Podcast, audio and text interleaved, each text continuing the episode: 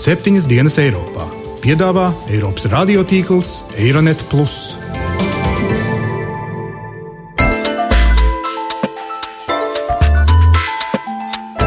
Šonadēļ septiņas dienas Eiropā dzirdēsim. Pusotras stundas lidojums, un tu jau esi valstī, kur karo. Media freedom in a real danger. Nu, ir ļoti riskanti vispār strādāt tādos reģionos. Maybe I will die. Ir jūtams, ka tā spriedze vairojās.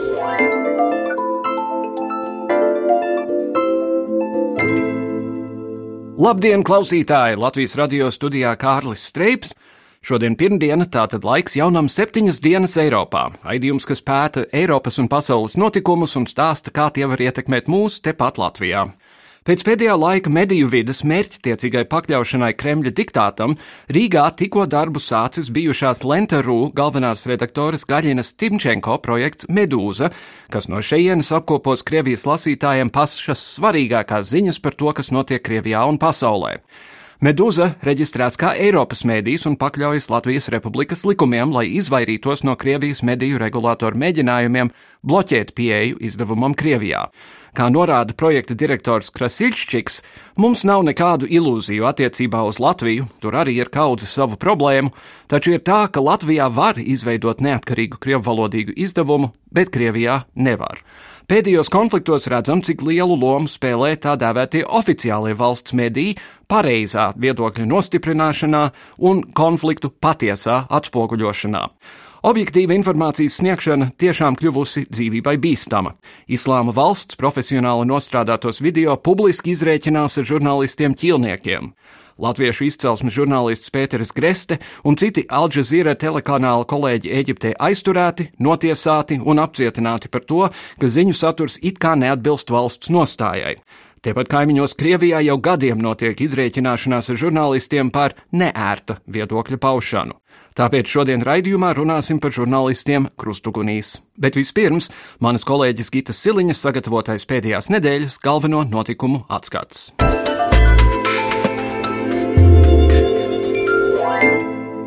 Maskavas lēmums atzīt vakar aizvadītās Doņetskas un Luganskas tautas republiku vadītāju un parlamentu vēlēšanas ir līdz šim atklātākais atbalsts to pašpasludinātajām republikām un skaidri norāda, ka Maskava šo teritoriju vairs neuzskata par daļu no Ukrainas.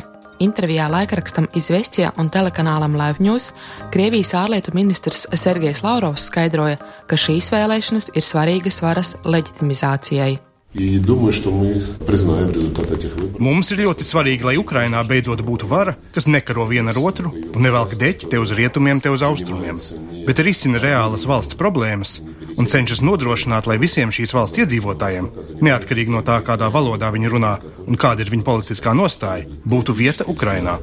Нашли свое место в составе Украины. Lauro sacītais apšauba dienu iepriekš Krievijas pausto, ka tā respektēs Ukrainas parlamenta vēlēšanas, kas tika aizvadītas 26. oktobrī. Vēlēšanās pārliecinošu pārsvaru guva prorietumnieciskie spēki - gan prezidenta Petro Porošenko vadībā izveidotā partija, gan premjerministra Arsēnija Jaceņuka pārstāvētā Tautas fronte. Brisele vēlēšanas pašpasludinātajās Doņiskas un Luhanskas tautas republikās uzskata par Mīnskas pamiera vienošanās pārkāpumu. Laikraksts Komersant, atsaucoties uz avotu Eiropas Savienībā, ziņoja, ka pēc šīm vēlēšanām Brisele var pastiprināt sankcijas pret Krieviju. Tiesa, vairāki biznesa eksperti ir norādījuši, ka sankcijām nemaz nav tik graujošs efekts, kā tas bija sākumā plānots. Krievijas gāzes gigants Gazprom bez plašas publicitātes aizvadītā mēneša beigās konkurējošam uzņēmumam Rosnefts sadarboties Arktikas šelfa apguvē. Lai gan pagaidām piedāvājums ir vēl tikai teorētisks, ziņo aģentūra Reuters skaidro, ka tas rāda, ka rietumu sankcijas ir sākušas apvienot Krievijas biznesa un politisko eliti. Ja tik lielā mēroga konkurenti tik tiešām sadarbosies sankciju mazināšanā, tas būs viens no līdz šim spēcīgākajiem signāliem, ka sankcijas nerezultējas, kā tas bija sākumā iecerēts, norāda Reuters. Krievijas naftas uzņēmums Rosneft Krievijas prezidentam Vladimiram Putinam ierosinājis ieviest arī dažādus pretpasākumus valstīm, kas piemērojušas Krievijai sankcijas, vēsta Krievijas laikraksts Komersanta. Ierosinājumi paredz Eiropas Savienības valstīm noteikt priekšapmaksu par Krievijas piegādāto gāzi, kā arī noteikt ierobežojumus starptautiskai sadarbībai, starptautiskās kosmosa stācijas Krievijas moduļa izmantošanai. NATO aizvadītajā nedēļā Eiropas gaisa telpā konstatēja neparasti augstu Krievijas militāro lidmašīnu aktivitāti, paziņoja Ziemeļatlantijas alianse. Lidmašīnas tostarp iznīcinātāji Stratēģiskie bumbvedēji un degvielas uzpildes lidmašīnas koncentrētas virs Baltijas jūras, Ziemeļjūras un Atlantijas okeāna un Melnās jūras. Lai gan NATO gaisa telpa pārkāpta netika, alianses amatpersonas raidsabiedrībai CNN pieļāva, ka tas varētu būt priekšsvēstnesis neizsludinātām Krievijas gaisa mācībām. Šogad NATO kopumā jau ir pārtvērusi vairāk nekā simts Krievijas lidmašīnas, kas esot aptuveni trīs reizes vairāk nekā pirms gada.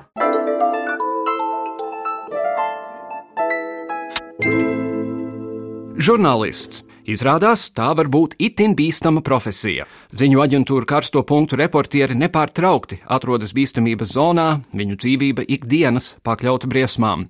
Organizācija Žurnālisti bez robežām ziņo, ka šogad pasaulē bojā gājuši 56 žurnālisti, kuru kontekstā skaidri pierādāms, ka nāve bijusi saistīta konkrēti ar žurnālista darba pienākumiem. Savukārt, cietumā pat laba nesošais Pēteris Greste ir viens no 177 žurnālistiem, kuri tur ir nonākuši sava darba rezultātā. Vēstures dati liecina, ka Pirmā pasaules kara laikā bojā gāja tikai divi reportieri, taču pēdējo 20 gadu laikā gandrīz katru nedēļu kāds žurnālists zaudē dzīvību. Mūsdienās vēlamies, lai pie brokastīm mums pasniedz glīti iepakotas svaigākas ziņas, jaunākos konfliktus un sirdi plosošus cilvēku stāstus no visas pasaules, un to arī saņemam. Toties ziņu sižeti pilnībā nesniedz iespēju ielūkoties to tapšanas bīstamajās aizkulisēs. Mēs zinām par to, kas notiek pasaulē, bet vai apjēdzam, kāda ir šo ziņu cena? Vairāk par žurnālistiem krustuganīs manas kolēģis Gitas Siliņas sižetā. Žurnālistu darbs karstajos punktos pasaulē ir dzīvībai bīstams. Vēl vasaras sākumā kopīgā ziņojumā Eiropas drošības un sadarbības organizācijas mēdīju brīvības jautājumu pārstāve Duņa Mietoviča brīdināja, ka strauji pasliktinās situācija mēdīju darbam Ukrainā. Es esmu satraukta par strauju apstākļu un gaisotnes pasliktināšanos mēdīju darbam. Mēdīju manipulācijas un informācijas karš, ko mēs pieredzam, ir jāaptur. Nespēja to izdarīt, uzkurinās konfliktu un veicinās krīzes eskalāciju. Notiekošie uzbrukumi žurnālistiem nav īpaši tālu no smagiem pamata cilvēktiesību pārkāpumiem. Mietoviča paziņoja, ka ECO kopš pērnā gada novembra dokumentējusi vairāk nekā 300 vardarbības gadījumu pret mēdīju pārstāvjiem, ieskaitot slepkavības, fiziskus uzbrukumus un aparatūras iznīcināšanu. Tikmēr starptautiskās sabiedrības sašutumu vairo islāmistu brutālās metodes. Vēl vairāk pēc tam, kad augustā un septembrī tīmeklī parādījās video ar galvas nocišanu diviem ASV žurnālistiem, kā arī britu palīdzības misijas līdzstrādniekam. Atsevišķs stāsts būtu veltāms katram no ķīlniekiem. Arī Džonam Kentlijam, ļoti pieredzējušam britu žurnālistam, kurš strādājis vairākās par bīstamākajām dēvētās vietās pasaulē. Irākā, Afganistānā, Lībijā un Somālijā. Kentlijs ir veidojis fotoreportāžas, Sunday Times, Sunday Telegraph un arī ziņu aģentūra AFP ir lietojusi viņa radītās fotogrāfijas, bet 12. gada novembrī Sīrijas un Irākas džihādistu grupējums Islāma valsts viņu nolaupīja. Kopš tā brīža viņš ir bijis redzams runājam vairākos Islāma valsts izplatītajos video materiālos. Septembrī publiskotajā video, kurā Kentlijs oranžā tērpā tā džihādisti iezīmē savus ķīlniekus, solīja drīzumā par islāma valsti vēstīt patiesību. Nolaupītais žurnālists uzsvēra, ka Lielbritānijas valdība viņu pametusi un arī norādīja, ka islāma valsts straujā izplešanās pārsteigusi snaužam rietumu valdības. Well, it's true. Rietumi par zemu novērtējuši pretinieku spēku un cīņas spāru. Es zinu, ko jūs domājat. Jūs domājat, viņš tikai dara to kā ieslodzītājs. Viņš dabūjas ierodas pie savas galvas, un viņš ir spiests to darīt, ja? Nu tā ir taisnība. Esmu ieslodzītājs. To es nevaru noliegt, bet redzot, ka mana valdība mani ir pamatusi, un mans liktenis tagad ir islāma valsts rokās, un man nav ko zaudēt. Varbūt es dzīvošu, varbūt es miršu bet es gribu izmantot šo iespēju, lai darītu zināmus faktus. Faktus, par kuru patiesumu jūs varat pārliecināties. Es parādīšu jums patiesību par to, kas notika, kad Islāma valsts sagūstīja daudzus Eiropas pilsoņus un vēlāk atbrīvoja, un kā amerikāņu britu valdība domāja, ka tās var rīkoties atšķirīgi no Eiropas valstīm. Video nav redzami Islāma valsts kaujinieki, un atšķirībā no citiem, pie ķīlnieka galvas netiek turēts ierocis un tas nebeidzas ar draudiem. Tāpat tikko pagājušā nedēļā tika publiskoti jauni video ar Džonu Kentliju ziņotāja jeb šķietamas islāma valsts rietumu balss lomā. Raidsabiedrība BBC video komentējot norādīja, ka Kentlijs, kritizējot Lielbritānijas un ASV nostāju par ķīlnieku sarunām, lasa acīm redzot citu cilvēku sagatavotas ziņas. Lielbritānijas ārlietu ministrijas pārstāvis sacīja, ka ministrija ir informēta par video un to saturs tiek analizēts. BBC diplomātiskā korespondente Bridžeta Kendala, iztirzājot jaunāko video, vērtēja, ka tas ir ļoti atšķirīgs no iepriekšējiem un norādīja, ka Džons Kentlīs ziņo gandrīz tā, it kā viņš būtu tā saukto Islāma valsts ekstrēmistu kara reportieris. Jaunākā video galvenais propagandas vēstījums šķiet ir, ka cīņa par Sīrijas pierobežas pilsētu Kobani ir gandrīz beigusies beigusies, skaidroja korespondente. Turpinot par žurnālistu apdraudētību karstajos punktos, arī mūsu raidījumā informējot, esam pievērsuši uzmanību Eģiptē ieslodzītā žurnālista Latvijas un Austrālijas pilsoņa Pētera Grestes lietai. Jau ziņojām par Pētera tēva Jūra Grestes bažām par dēla nākotni. Jaunākās vēstis, ko saņēmām e-pasta vēstulē, ir šādas. Ir dzirdēts, ka Eģiptes prezidents Al-Sisi esot solījis Pēterim sniegt prezidenta piedošanu, bet tikai, kad juridiskais process būs beidzies. Sliktākā gadījumā tas varētu ielikt vēl 2015. gadā. Vispasaules ievērojami juristi ir izteikušies, ka pirmā prāva bija ļoti kļūdaina un netaisnīga. Pēters tikai pildīja savu žurnālista pienākumu un uzdevumu. Ievērojamākā kritika ir no britu tradīcijas juristiem, kas mūsu maldina ir tas, ka Eģiptē ir Napoleona juridikas mantojums, kas starp citu dod tiesnešiem lielāku autoritāti nekā, piemēram, Austrālijā. Katrā ziņā ļoti ceram, ka Pēters būs brīvs tuvākā nākotnē, bet neskatoties uz vairākiem solījumiem mums, Nākošo Ziemassvētku skairā viņam būs jāpavada neizbēgami. Atgādināšu, ka Eģipte trīs televīzijas kanāla Alžīra žurnālistus, latviešu izcelsmes austrāliešu žurnālistu Gresti, angļu redakcijas Kairas bio vadītāju Fahmīsu un producentu Muhamedu arestēja pērnā gada 29. decembrī vienā no Kairas viesnīcām un apsūdzēja par drošības objektu filmēšanu, sabiedriskās kārtības un miera apdraudēšanu un strādāšanu bez atļaujas. Komentējot absurdo situāciju, kad žurnālisti jūnijā tika tiesāti un saņēma ārkārtīgi bargu sodu, Austrālijas ārlietu ministre Džulija Bišopa akcentēja Eģiptei svešo izpratni par to, kas ir mēdīju brīvība un demokrātija. Mēs saprotam, ka Eģiptē ir ļoti grūti laiki, sarežģīta situācija un ir bijuši lieli satricinājumi, taču šāda veida spriedums neko labu nedod. Tas norāda, ka Eģiptē netiek atbalstīta pārēj uz demokrātiju. Austrālijas valdība mudina jauno Eģiptes valdību pārdomāt, kāda ziņa tiek sūtīta pasaulē par situāciju Eģiptē. Brīvība un preses brīvība ir būtiska demokrātijas sastāvdaļa, un mēs esam ļoti nobežījušies, ka šis spriedums ir daļa no plašāka mēģinājuma apklusināt veicināt mēdīju brīvību, kas aizstāv demokrātiju visā pasaulē.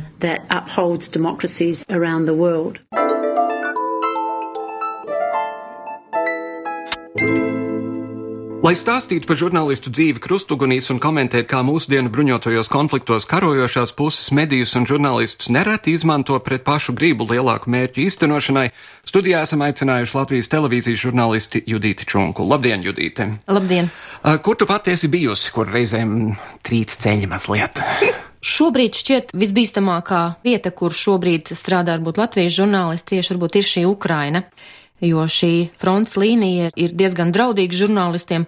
Otra lieta, protams, tas ir Sīrijas konflikts, kur arī mūsu žurnālisti strādā ar Latvijas televīzijas žurnālisti. Vēl ir, protams, ir Palestīnas un Izraels konflikts, kas ir diezgan sāsinājies šobrīd, kur strādā ļoti daudz, protams, rietumu kompānijas, un tad, kā mēs caur šo rietumu kompāniju prizmu, tad arī mēs Latvijā varam uzzināt, kas notiek. Kas vēl ir bijis, kur mēs vēl esam bijuši? Protams, lielais piecu dienu karš Gruzijā 2008. gada augusts. Tas bija viens no tādām varbūt Latvijas mēdīju un Latvijas žurnālistu pirmajām tādām ugunskristībām, kur bija tieša saskare ar karadarbību kā tādu. Jā, un, protams, tālāk atpakaļ skatoties, tad, kad bija pučs Maskavā, piemēram, un barikāžu laiks, barikāžu mm -hmm. laikā arī gāja mūsu kolēģi. Jā. Jā, tas bija vienkārši tāds, varbūt tolaik mēs vēl varbūt neapzinājāmies, cik tas ir bīstam, varbūt, cik bīstam var izvērsties tādi starpvalstu konflikti, kad liekas, nu labi, tas ir kaut kur tālu, tur Izraela, Palestīna, Sīrija, Ēģipte, kamēr nenonāk līdz tādai tiešai saskarsmē ar kādu konkrētu individu, kas nāk no Latvijas, varbūt, vai arī konkrēti, kas skar jau plašākas sabiedrības interešu grupas, tā kā, kā tas ir, piemēram, Ukraina. Tepat, tas tepat, mm -hmm. cik tad pusotras stundas lidojums, un tu jau esi faktiski valstī, kur karo. Nu jā. Tajos gadījumos, kad no Latvijas televīzijas kāds dodas uz Ukrainu, Kādi ir drošības pasākumi? Vai tur kāds sagaida žurnālistu un pavada žurnālistu, vai žurnālisti vienkārši pašplūsmā? Protams, kad mēs braucam prom, tad um, mēs redakcijā nu, izrunājam, kādi mums saka, ar ko mēs darām, kur mēs esam. Kā.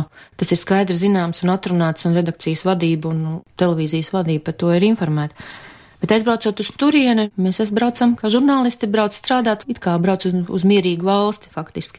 Un tur mēs, protams, tur, kur mums ir savas apmešanās vietas, ko mēs jau iepriekš rezervējam viesnīcas, konkrēti mēs zinām, līdz ar to tas fakts, kur mēs esam, vairāk vai mazāk zināms, bet ja mēs braucam ārpus, piemēram, mierīgas Kievas, tad iebraucam uz Donbasu, uz austrumu pusi vai uz dienvidiem, tad mēs, protams, uzreiz informējam redakciju, kur mēs atrodamies. Tas ir tāda veida tie drošības pasākumi.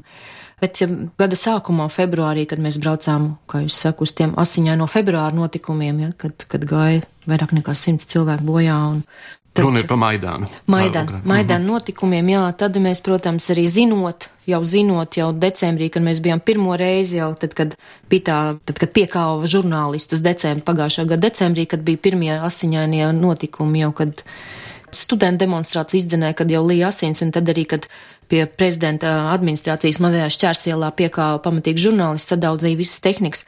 Tad uh, mēs ieradāmies nākamajā dienā uzreiz tur, un mēs zinājām, ka tur būs traki. Un tad mēs meklējam šeit uh, līdzekļus, sev mazliet pasargāt, kā pasargāt, piemēram, bruņuvestes. Ja? Un tad mums viena Latvijas apsardzes firma izlīdzēja ar bruņuvestēm. Tā kā mēs braucām jau vismaz tā zinot, ka mūsu mhm. ķermenis ir, ir puslīdz tādā veidā pasargāts. Un tāpat mēs braucām arī februārī, kad ieradāmies burtiski dienu pirms tiem trakajiem notikumiem tad mums jau arī bija līdz bruņu vests un tā. Tā bija tāda mūsu aizsardzība, kas tīri fiziski pasargāt, bet tā ir acis, ausis un deguns un Mm -hmm. Viss jāatver apkārt sajūtas un emocijas, tas ir galvenais pašam sargāt. Un, protams, ja runā konkrēti par televīziju, tad mums ir jāatceras, ka mēs reportieri esam viena lieta operators ar tehniku uz pleca ir daudz redzamāks un pamanāmāks jā, šādā situācijā. Jā, jā, tieši tā.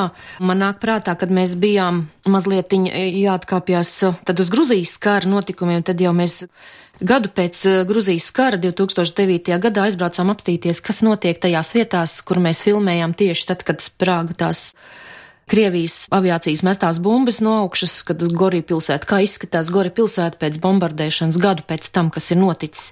Un mēs pie reizes aizbraucām arī uz to administratīvo robežu, kur sākās jau Dienvidosetijas administratīvā robeža, kur, kur vairs nelaiž nevienu klāt, kur jau starptautiskos arī novērotājus, tur tikai patrulē novērota, bet otrā pusē ir Dienvidosetijas robeža, kur jau faktiski Krievijas kontrolē. Un mēs piebraucām pie pašas tās robežas, tur stāv gruzīnu policisti, gruzīnu vīri, kas it kā sargā, lai tur neviens svešais neiekļūtu.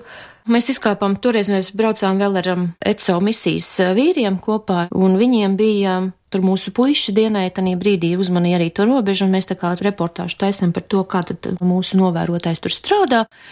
Un mēs tur tā ieejam, tad ir robežā, tur iekšā viņš saka, nu, nu labi, ieiet, bet tā ļoti uzmanīgi. Tur pie iedzīvotājiem gribās mm. apjautāt, nu kā tad tur tam vīriem un sievām klājās tur tagad, kad tur dzīvo. Un tās sajūta ir, iedomājieties, operators, viņam ir statīvs, kur uzlikt kameru garas kājas tādas, ja, un tā kamera tāda parocīgāk, lai var nest.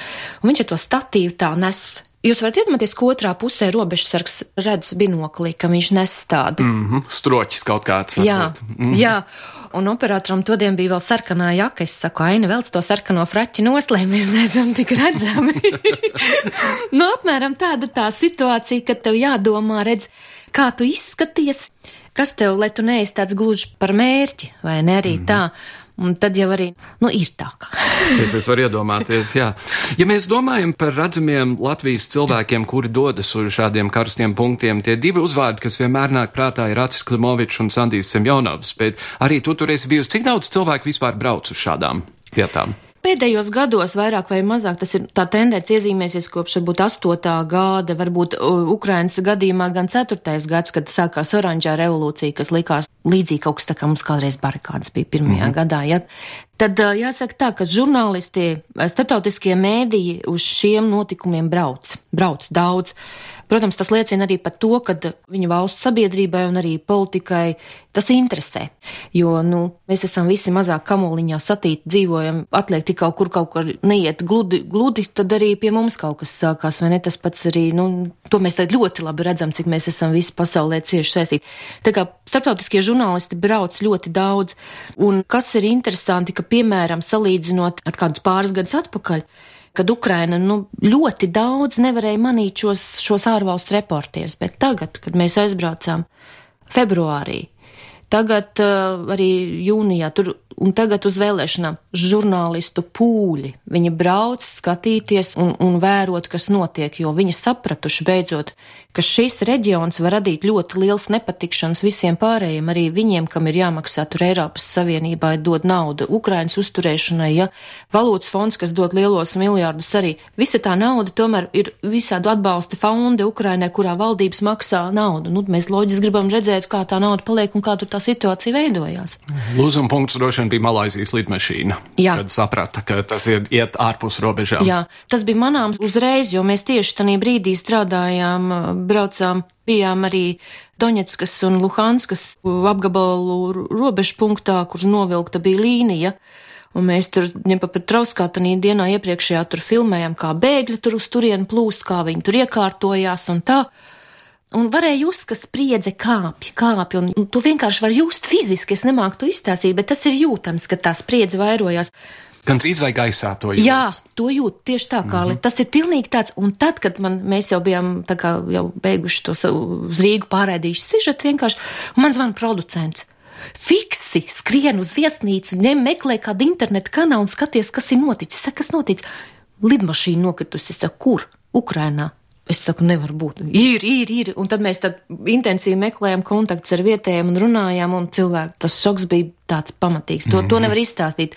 Un līdz ar to tas arī uzspridzināja visu šo nesaprašanos, kas tad īsti notiek Ukrainā. Jo līdz šim Eiropas valstis Tā arī diplomāti aizkulisku sarunās mēs nesaprotam, kas tā tā tur Ukraina un kas notiek. Un tik daudz, cik mūsu, teiksim tā, nu, tas tāds, tāds varbūt vai uzslavo Latvijas politiķu dārznieki, kas ir visu laiku mēģinājuši uzturēt šo jautājumu, ļoti labi saprotot, mēs esam vienā vidē auguši ar visu šo reģionu un zinām, ar ko tas var, var būt. Un līdz ar to arī mums tagad viens eksperts nu pat arī teica, tas, ka baltieši ir ļoti maziņi nevajag kaunēties, bet tieši vajag darīt un rādīt, ka arī mazas valstis ar šo savu mazo humāno palīdzību, ko mēs sūtam, vai tie ir ārsti, vai tie ir, vai tie ir rakstām piedarumi, ko vāc brīvprātīgie un mūsu karavīri, lai sūtītu uz skolām, Viņi saka, tas ir tas, kas parāda, ka faktiski Baltija un Polija uztur šo Ukrainas jautājumu Eiropas dienas kārtībā. Jā, tieši tā. Jā. Un es pieļauju, ka vēl viena priekšrocība žurnālistiem no Latvijas, salīdzinot ar Rietumu Eiropu, ir, ka Latvijas žurnālisti var sarunāties Krievu valodā šajā procesā. Jā, bet nu, ir viena interesanta iezīme. Pēdējos gados, ja salīdzinu, ko, piemēram, 2004. gada oranžo revolūcija, ja, tad uh, visi daudz runāja krieviski un tā, un pa laikam tu jūti, kad uh, ne, un tagad pēdējā gada laikā, nu, Ukraiņiem ir tāds nacionālisms parādījies, tā, tā pozitīvā lieta, ka mēs esam par savu valodu, mēs daudz runājam ukraiņu valodā, Un tu gribot, negribot, tu iemanies arī tādā valodā saprast, ko viņš arī runā, jo tā nav liela, lielas atšķirības. Protams, ir, bet ne tik lielas, lai nesaprastu, ko saka Ukraiņi. Ja labi grib, var ļoti labi saprast. Un, uh, un priekšrocība, jā, tā ir, protams, ka tu, tu mm, saki, atvainojiet, es um, Ukraiņu valodā tik labi nezinu, vai jūs nevarētu man tur izlīdzēt ar to Krievu valodā. Mm -hmm. Cilvēki ļoti atsaucīgi, un īpaši viņi, ja, ja zina, ka ir, ka ir Latvija un Baltija, tas viņiem ir, viņiem ir ļoti liels pagodinājums vispār, ka viņiem pievērš uzmanību. Vai ir doma doties uz Donbass tā dēvētajām vēlēšanām nākamēnes? Mēs vēl neesam redakcijā to izlēmuši jautājumu. Ar šo lietu ir varbūt, zinot to situāciju, kā tur ir, varbūt diezgan problemātiski tur iekļūt. Var arī būt tā, ka Krievija faktiski to reģionu arī nekontrolē. Viņa ir atstājusi visu separātistu ziņā, un eh, zinot, eh, ja separātisti ir vairāk vai mazāk sākuši cīnīties savā starpā, mm -hmm tad nokļūt tādās krustugunīs. Nav prāta darbs. Nav prāta darbs, tā tieši ir. tā, un īpaši, ja jau, ja var prognozēt jau tagad, ka starptautiskā sabiedrība šīs vēlēšanas neatzīst, tad jau ir Pavisam traki. Jā. Kāda ietekme ir tam apstākļiem, ka mūsdienās arī ziņas ir tādas 24, 7 jautājumus CNN un tādiem kanāliem mm. ir kaut kas jārāda visas diennakts garumā, katru dienu, visu gadu. Tas droši vien ir drusku mainījis tempu, kādā viss notiek. Jā, tas ir uh, ietekmējis, jo man vienmēr patīk vērot, kā atbrauc lielās kompānijas. Atbrauc liels autobus, uh, izkāp no autobusiņš, nu tāds busiņš, izkāp baudas žurnālisti kādi 5, 6. Un tad seko kā es saku, apkalpojušais personāls. Es atvainojos par izteicienu, bet tā ir piepalīgi, palīgi un tehniskais personāls un producenti, un, producenti un, un, un kuriem vēl šeit uz vietas uzreiz ir arī tas saucamais palīgs sastāvs vietēji, ja tur sarunāti. Bet latviešu žurnālistam ir tā, ka nu, viņš aizbrauc uz to vietu, ir jādara pilnīgi vienam viss. Mm. Vai, vai lielo kom pasaules kompāniju ļaudis ir izpalīdzīgi, ja ir vajadzība? Kā lai to saka? Gruzijas karā, jā, Gruzijas kara laikā visi bija ļoti draudzīgi. Izlīdzēju, nu jā, viņš tur pamanīs, viņš saka, tur aiz tā stūra var tāds kadrs foršs, tur ir, tur mēs runājamies ar to, tur vēl var, tur, tur vēl kaut kas tur ir, tur var, var dabūt. Ukrainas gadījumā to žurnālistu bija tik daudz, pēkšņi saradās, un visi vairāk vai mazāk tomēr ap to vienu lauku darbojās, vairāk vai mazāk. Tur gribot, katrs ne... meklēja rozīnīti. Kat, katrs meklē to rozīnīti, kur nebūtu, varbūt ar ko varētu drusku atšķirties no tā, kas būs blakus kanālam. Ja? Vēl mums droši vien ir jāparunā par cilvēkiem, žurnālistiem, kas nevis iet bojā, bet nonāk cietumā, tāpēc, ka viņi mm. dara savu darbu. Krievijā tas ir aktuāli, Eģiptē ir mūsu tautietis Pēteris Greste. Latvijā, protams, tā nav problēma. Latvijā nevienu neliks cietumā. Toties, Paldies Dievam! Paldies Dievam! Toties pie mums tagad ir Lenta Rūļaudis, kuri precīzi tā iemesla dēļ ir pārcēlušies uz Latviju, tāpēc, ka Krievijā viņi nevar darboties. Laikam viņi ir jāmina labu vārdu. Jā, piemēram, nu, ja arī dodas žurnālisti, piemēram, es domāju, ka tā, tā, tās pašas Eģiptes um, gadījumā par Pēteri Gresti runājot, jau strādājot tādā vidē, kur jūti, ka varbūt nepatikšanas ir, ir ļoti, ļoti jāuzmanās, ir tikpat labi, tu nezini, varbūt tev kāds, ejot garām, tevā somiņā var iemest kādu lapiņu ar to pašu musulmaņu brālību. Tu mm -hmm. atver somu, un tev viņi ir. Nu, ko tad? Tā kā ir, tur nevar noliegt vis visādas uzbrukums savai kā, kā žurnālistam, gan kā personai, ja, nu, un, un zinot valstī, kur ir ausus visriņķiem, ka tur tā sabiedrība tāda viens par otru visu zina, ja? nu, ir ļoti riskanti vispār strādāt tādos reģionos. Tas ir, tas ir fakts un, un jābūt ļoti, ļoti uzmanīgam, jo nekad nevar zināt, no kuras tur tās nepatikšanas var nākt. Mm -hmm. Tikpat labi te var pienākt policists un pateikt, nu, ko tu te filmē, un tu sākt vienkārši diskusiju kādu, un kad izraisīt nejauši to konfliktu. Var, tas ir diezgan nepatīkami. Un mums arī prātā nākam, piemēram, kad mēs bijām Tas jau gan Baltkrievijas gadījumā bija, kad mēs filmējām prezidenta vēlēšanas pēdējās, kad tur arī bija kaut kāds nepatikšanas parlamenta vēlēšana prezidenta, nu jau man sajukušas. Un tad ir decembris augsts, un zini, jau briesti, jau jūt, kad parasti pēc tādām vēlēšanām tur opozīcija iznāk ielās un protestē pret Lukašenko, un kad iznāk tu zini tā, apmēram tos apstākļus, kurā brīdī, nu, pa kuru stūri kaut vai mukt ārā no tā laukuma, ja kaut kas notiek, ja? Vismaz tās tīri strateģiskas lietas pašam padomāt un izplānot, pa kuru stūri tad mēs muksim ārā, ja nu kaut kas notiek. Jo tomēr saprast, ka labāk izmukt ārā nekā tur palikt tanīs un nezinu, kā tas viss vēl var beigties. Un ja mēs tādā pašās Baltkrievijas vēlēšanās, tad mēs arī jau gājām, tur jau sākās ņegu ņegu, un tur jau pie parlamenta daudzīja logus ārā, un kas tur bija. Bet uh, mēs ar operatoru sakām, nu, varbūt pakāpjamies uz to maliņu, atpakaļ pastīsimies no cita rakurskā, un tad, kad jau jūt, ka tā policijas vai milicijas spiediens nāk virsū ar lieliem vairogiem, tad labāk noiet drusku malā un pastīties nofilmēt to, nekā tur būt tanī putrā, sadauzīt kameru un palikt bez vispār kadriem, Tieši? Tā.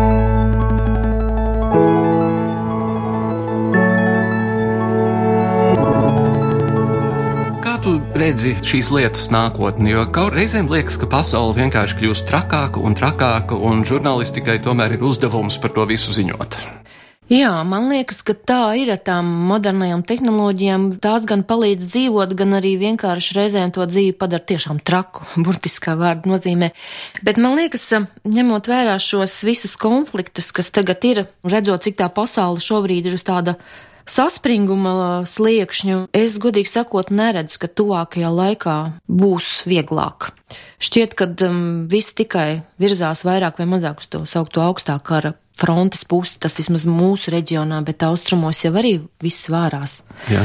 Un turpatās arī tāpat Eģipte un Sīrija, Irāka, tur jau viss joprojām ir tāds, nu, karsts, jāsaka, tiešām burtiskā nozīmē. Un ja reizēm šīs viedās tehnoloģijas var palīdzēt, tad reizēm, nu, arī viņas rada arī zināmu draudu. Piemēram, es nezinu, ja citas valstis, ka to žurnālistam varbūt pat ir aizliegts strādāt ar modernajām tehnoloģijām. Es tad aizmirsu, kurā valstī bija, ka tur par atkal kaut kāds nepatikšanas draudēja par internetu, par izmantošanu vēl. par Neviena, ko. va- neviena, tikai viena valsts. Viena. Nu jā, Labi, Judita Čunka, liels paldies par sarunu un lai veicas! paldies! Rīga visa 2014. gada garumā ar īpaši latvisku akcentu sniegusi plašu kultūras programmu Eiropas un pasaules kultūra mīļiem. Ja gada nogalē Eiropas kultūras galvaspilsētas lauri ir jānodod tālāk, tad mums septiņas dienas Eiropā rodas jautājums, vai tiešām visa kultūra jau ir izrādīta.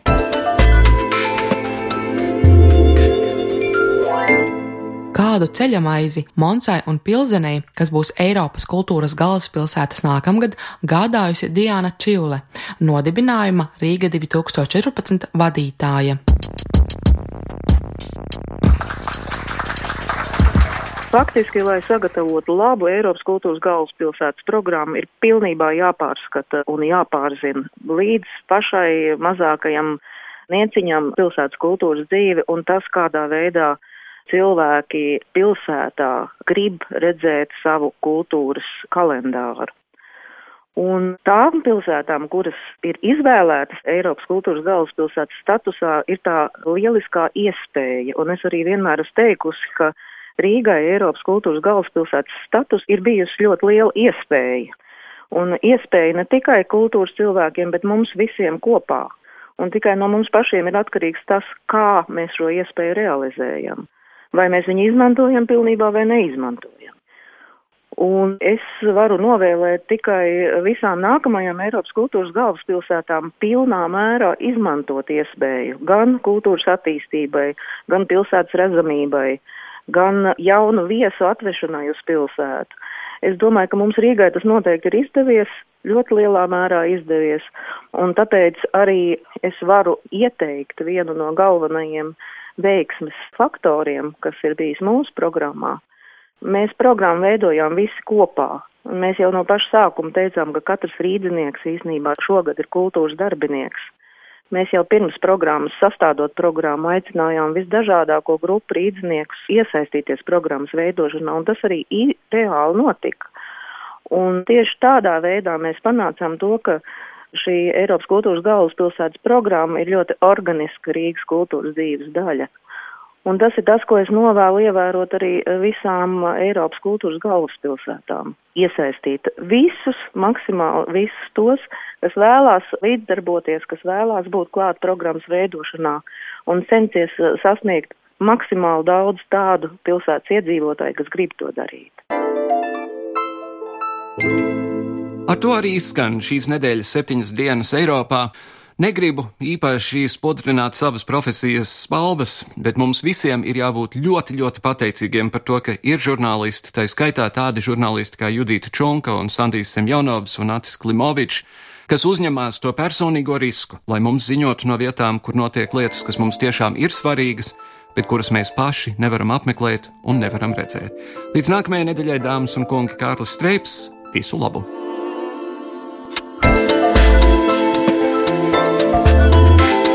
Raidījumu veido Kārlis Streips, Gita Siliņa un Jānis Krops. Producents Lukas Rozītis.